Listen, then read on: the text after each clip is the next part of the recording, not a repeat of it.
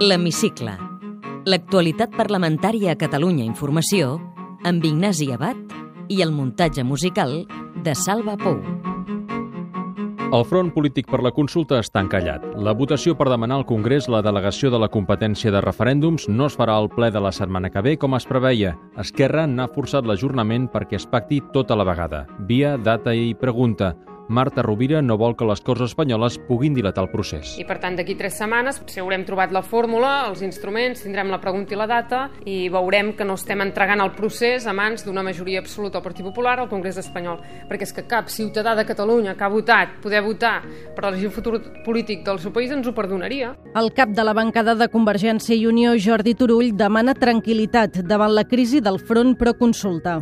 Malgrat ens hàgim quedat encallats amb un tema de, de forma, no pas de fons de calat polític, la gent ha de tenir la tranquil·litat de que això per res retrassa ni dilata ni afebleix el procés. La decisió de Convergència i Unió i Esquerra desconcerta Iniciativa Esquerra Unida i la CUP. Sentim Dolors Camats i Quim Arrufat. El que estem sorpresos és que havent-nos posat d'acord en el més complicat, no ens puguem posar d'acord en el que és més de detall. Aquest excés de partidisme, aquesta escenificació d'una negociació, aquesta instrumentalització de la consulta per a fins polítics, el que en realitat està posant sobre la taula és una versió 2.0 de la puta i la Ramoneta entre tres formacions polítiques polítiques, o quatre si contemplem tota la diversitat d'opinions que hi ha dins.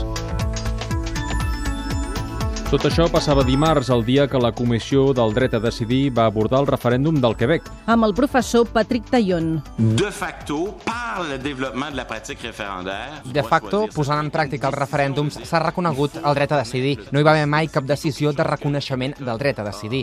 Ha estat més aviat una cosa que el Quebec ha conquerit a la pràctica. Ha réussi a conquerir per la pràctica. També va parlar a la comissió el catedràtic de Dret Constitucional Xavier Arbós. Per qui els obstacles per la consulta no són jurídics, sinó polítics. El dret a decidir com a dret a l'autodeterminació no cap a la Constitució. Però la Constitució no té clàusules d'intangibilitat. Per tant, la Constitució es pot reformar. No donin a la Constitució les culpes que no té. És un problema polític i o té una solució política o la Constitució i el constitucionalisme hi podran fer molt poc.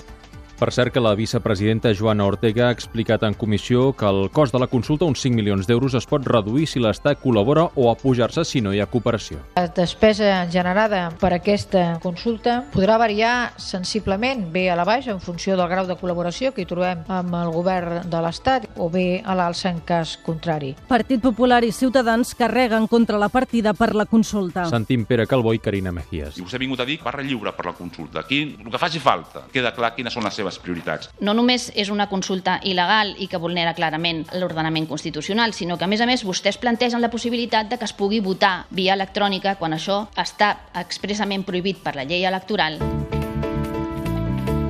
La vicepresidenta Ortega ho deia a la presentació dels pressupostos de governació que han superat les esmenes a la totalitat de l'oposició gràcies a l'acord CiU-Esquerra. Com la resta de seccions dels comptes del 2014. Vots a favor de les esmenes, vots en contra, Doncs- abstencions... Per 10 vots a favor, 11 en contra i cap abstenció, queden rebutjades les 5 esmenes... Rebutjades les esmenes a la totalitat i continua el tràmit parlamentari. Tots els consellers menys Felip Puig de viatge oficial a l'Índia amb el president Mas han explicat els recursos de què disposen per l'any que ve. Començant passant pels departaments amb més pes social. Ensenyament. La consellera Irene Riau va anunciar dimecres que el curs vinent podran contractar 1.000 mestres més. A partir de setembre del 2014 podrem gaudir ja de 65.073 dotacions. Per tant, comencem el canvi de tendència i disposarem pel curs vinent de més professors. Rèplica del diputat Joan Mena. D'Iniciativa Esquerra Unida. La previsió de dotació de mestres, encara que vostè ens digui que al setembre s'incorporaran 1.000 més, vostè continua aplicant un expedient de regulació d'ocupació ocupació encobert a la plantilla del professorat, especialment de l'escola pública.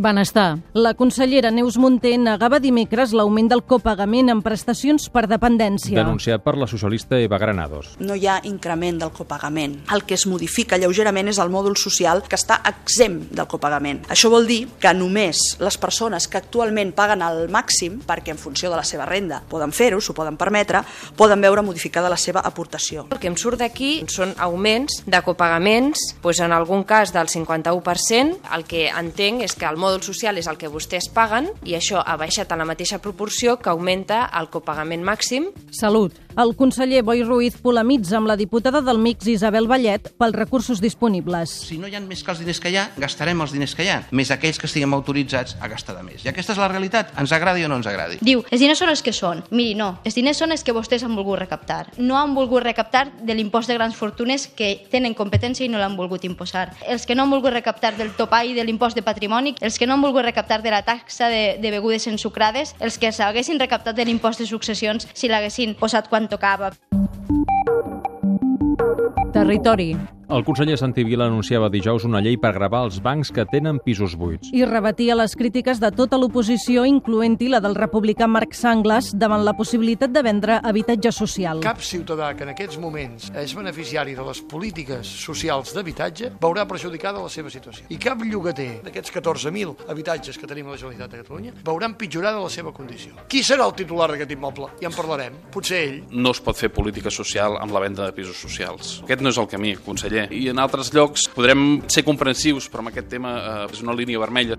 Economia. Ah. Dilluns, el conseller Mascolell justificava l'enfortiment de l'Agència Tributària Catalana. Davant les crítiques de Jordi Canyes de Ciutadans. Ustedes no tienen ningún derecho a crear una estructura paralela al Estado con la intención de suplantar sus competencias. Lo de fer nosaltres mateixos la recaptació executiva, això de quan algú no paga, etc, no és res de l'altre món. El que és natural és que ho fem nosaltres. Moltes comunitats autònomes s'ho fan elles mateixes. La comunitat autònoma de Madrid s'ho fa ella mateixa.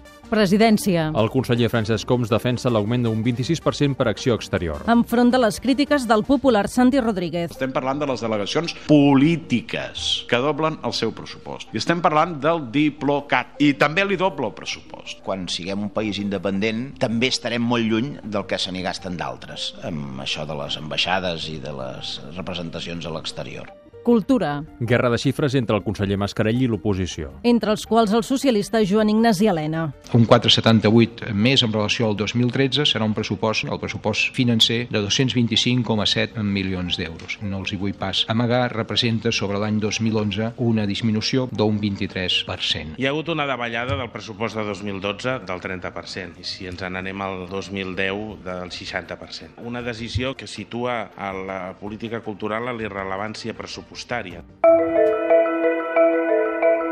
Interior.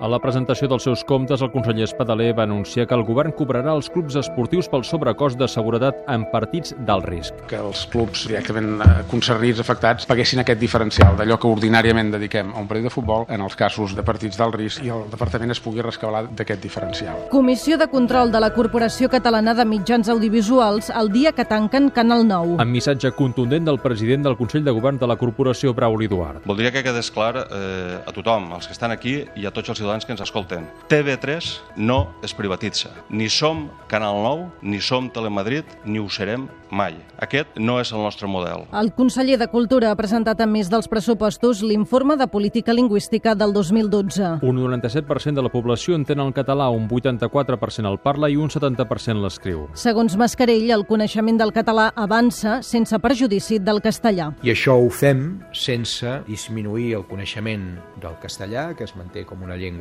ben viva a casa nostra, i amb un augment continu del coneixement de l'anglès i del francès. Per tant, estem consolidant una societat plurilingüe Abans del qüestionari apuntem que el Partit Popular ha enviat al Consell de Garanties Estatutàries el dictamen de la proposició de llei d'horaris comercials. Això en retarda el debat final al ple fins al gener. Té la paraula Begoña Montalbán, diputada pel grup de Convergència i Unió i en representació a la meva comarca del Baix Empordà. en una frase. Senyora Begoña Montalbán, completi la frase. El 2014 serà l'any de... Serà l'any en què els catalans podem exercir el nostre dret a decidir a través de la consulta. Amb quina pregunta? Vostè creu que Catalunya hauria de ser un nou estat independent dins del marc de la Unió Europea? Aquesta legislatura serà tan curta com l'anterior? Esperem que no, hi ha molta feina que fer. El moment és molt transcendent, però el dia a dia s'ha d'anar gestionant igual. Quan acabaran les retallades? De fet, les retallades eh, ja hem anunciat que s'han s'han estabilitzat o que ja no n'hi haurà més de noves. Contribueix personalment a pal·liar la pobresa? Des del meu àmbit procuro prestar l'ajuda que sigui necessària doncs, a la gent que tens més propera. Ha estat mai a la cua de l'atur? No, Si es queda sense feina, quina és la primera porta que trucaria? gràcies a Déu cap perquè tinc la meva pròpia empresa. Ha cobrat o pagat mai en negre? No. Posaria la mà al foc que ningú ha comès mai cap irregularitat al seu partit? Confio en totes les persones que pertanyen ara mateix al meu partit. De què ha treballat abans de fer de diputada? Soc farmacèutica, vaig començar treballant a una oficina de farmàcia i al llarg del temps vaig crear la meva pròpia empresa amb una farmàcia. En quins pobles o ciutats ha viscut al llarg de la seva vida? A Montràs, al Baix Empordà i a Pamplona, que és on vaig estudiar la carrera. Creu en el destí Depèn, sí que hi crec, però també el destí l'has de buscar. i en la sort? La sort també és una cosa que ens l'hem de treballar. Compra loteria Sí, sobretot la grossa, aquest any. i el gordo? Algun també. Creu en l'amor a primera vista? Quan era joveneta hi creia molt, Eh, a mesura que et vas fent gran, no tant. Amb quin sex símbol li agradaria compartir una estona? Per exemple, en Bruce Springsteen Un quadre que l'apassiona. m'atrauen molt les maternitats de Montserrat Godiol. Una obra de teatre d'impacte. Fa uns mesos vaig anar per primera vegada a l'òpera i em va encantar, Madame Butterfly. Quina novel·la em recomana? Doncs un dels meus llibres és Doctores d'Eric Segal. Quin plat cuina més bé? Per sort tinc les persones que em cuinen, que són la mare i el meu home, Quants diners porta a la cartera habitualment? al voltant d'uns 100 euros. Una mania confessable. Em rento molt sovint les mans, Quan acaba un ple al Parlament, com desconnecta quan torna cap a casa? sopant amb la família i que m'expliquin sobretot què ha estat de la vida de, dels més propers els dos dies que no els he vist. Senyora Begoña Montalbán, moltes gràcies. Gràcies a vosaltres. Podeu tornar a escoltar aquest programa i recuperar els anteriors a catradio.cat barra hemicicle.